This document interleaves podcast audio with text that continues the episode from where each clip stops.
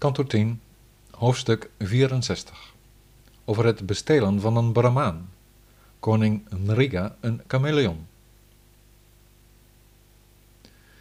De zoon van Vyasa zei, Op een dag in hun jeugd, o koning, gingen de Yadu-jongens Samba, Prajumna, Charu, Bhanu, Gada en anderen naar een park om te spelen. Na daar een lange tijd gespeeld te hebben, waren ze dorstig op zoek naar water en ontdekten ze een verbazingwekkend schepsel in een droge put.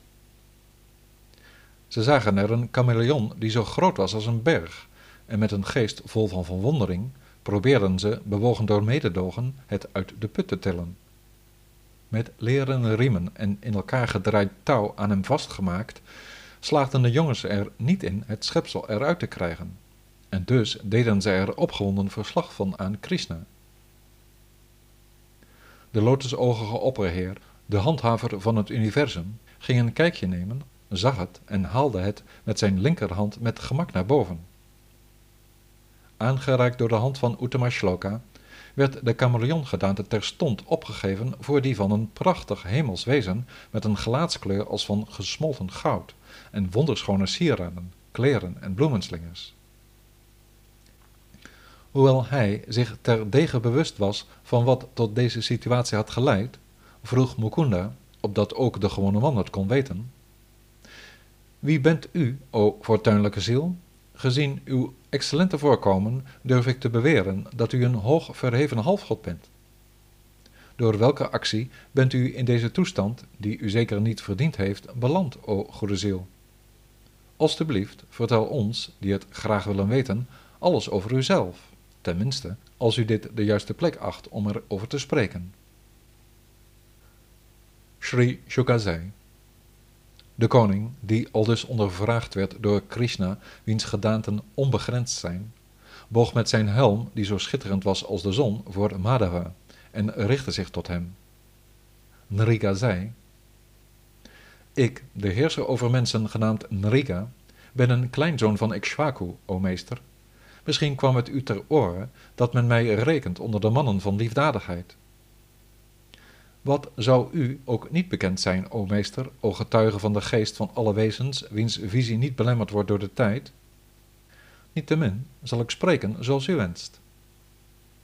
Ik heb zoveel koeien weggeschonken als er zandkorrels op aarde zijn, als er sterren aan de hemel staan of als er regendruppels in een regenbui zitten. Ik gaf melkkoeien weg die eerlijk verworven werden, nog jong, goed van karakter en goed van uiterlijk waren, bruin, schoon en rijk aan vele andere kwaliteiten, samen met hun kalveren en met gouden sieraden aan hun hoorns, zilver aan hun hoeven en met fijne stoffen en bloemenslingers versierd. Ik van vrome werken en van aanbidding met vuuroffers was liefdadig en schonk sieraden weg aan jonge, getalenteerde, waarachtige brahmanen met behoeftige families, die bekend stonden om hun verzaking en grote kennis van de Veda's, en die goede kwaliteiten en een goed karakter hadden.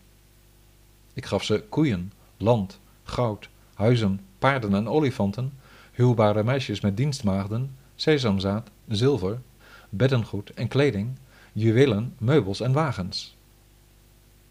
Zonder me dat bewust te zijn, schonk ik een koe die het eigendom was van een bepaalde eerste klas Dvija weg aan een andere tweemaal geboren ziel. Afgedwaald had de koe zich bij mijn kudde gevoegd. Terwijl ze weggeleid werd, werd die koe opgemerkt door haar baas, die zei: Ze is van mij. Maar hij die de gift had aangenomen, zei toen: Deze heeft Nrika aan mij gegeven. De twee gescholden, in een strijd verwikkeld om hun eigen belang, zeiden tegen me: U, meneer, bent als de schenker een dief geweest.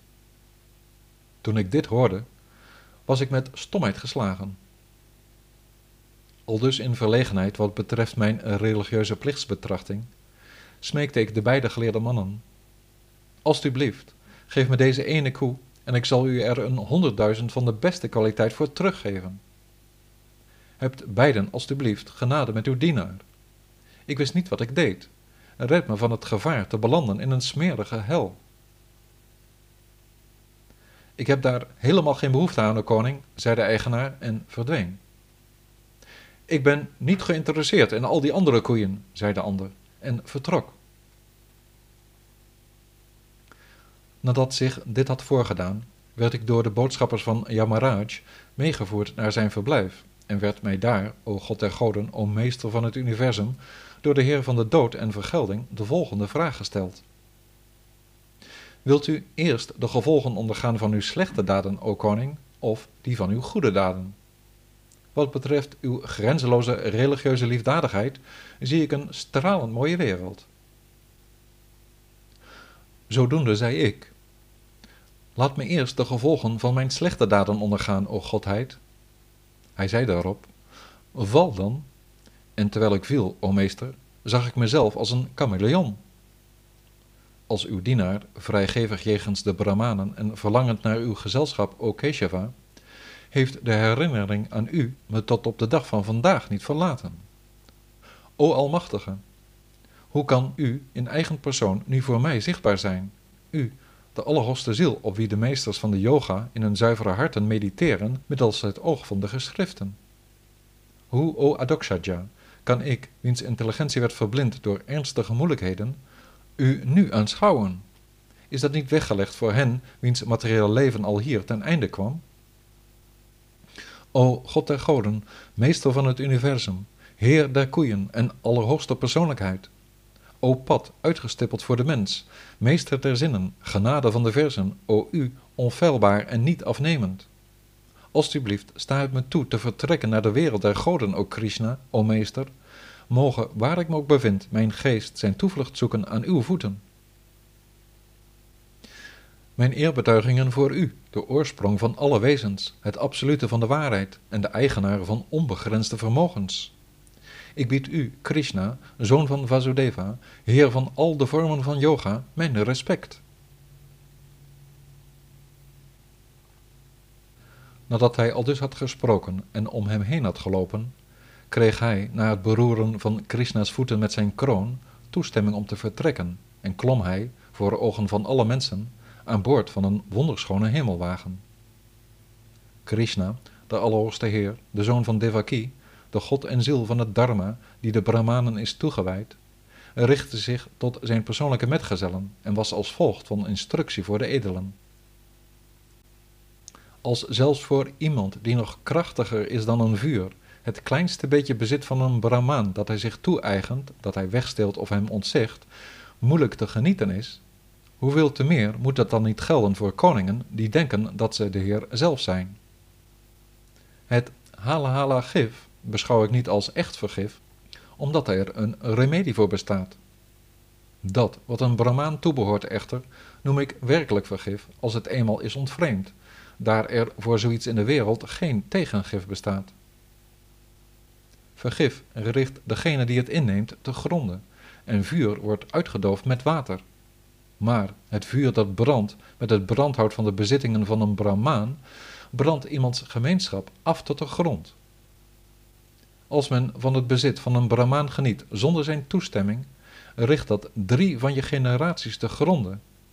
Maar als men het met geweld via een externe macht geniet, raakt dat tien voorgaande en tien volgende generaties met een verlies aan eer. Leden van de adelstand zien, verblind door een koninklijke wilde, niet hun eigen neergang in de hel op zich afkomen als ze kinderachtig het eigendom van een goedaardige Brahmaan begeren. Die koningen en andere leden van de koninklijke familie, die de zaak niet in de hand hebbend zich het aandeel van een Brahmaan toe-eigenden, zullen net zoveel jaren worden gekookt in de hel genaamd Kumbhipaka als er stofdeeltjes werden aangeraakt door de tranen, geplengd door de vrijgevige brahmanen, die, terwille van hun beminden, moesten huilen over de middelen van bestaan die hen afhandig werden gemaakt. Hij, die een brahmaan berooft van zijn levensonderhoud, of dat nu door jezelf of door iemand anders werd verschaft, zal zestigduizend jaar lang geboren worden als een worm in de uitwerpselen. Mogen ik nimmer de wilde verwerven die het eigendom van een brahmaan is.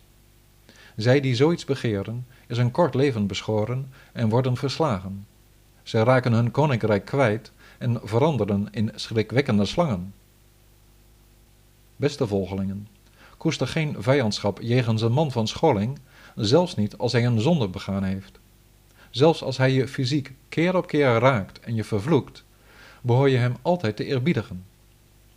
Precies zoals ik mij er steeds voor inspan om me te verbuigen voor de gescholden, behoren jullie ook allemaal van datzelfde respect te zijn.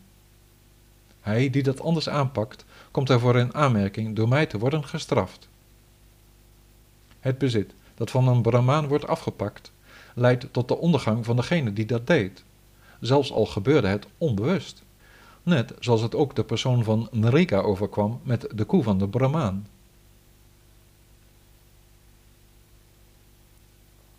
Nadat hij, de ingezetenen van Dwarka, dat op het hart had gebonden, ging de Allerhoogste Heer Mukunda, de louteraar aller werelden, zijn paleis binnen.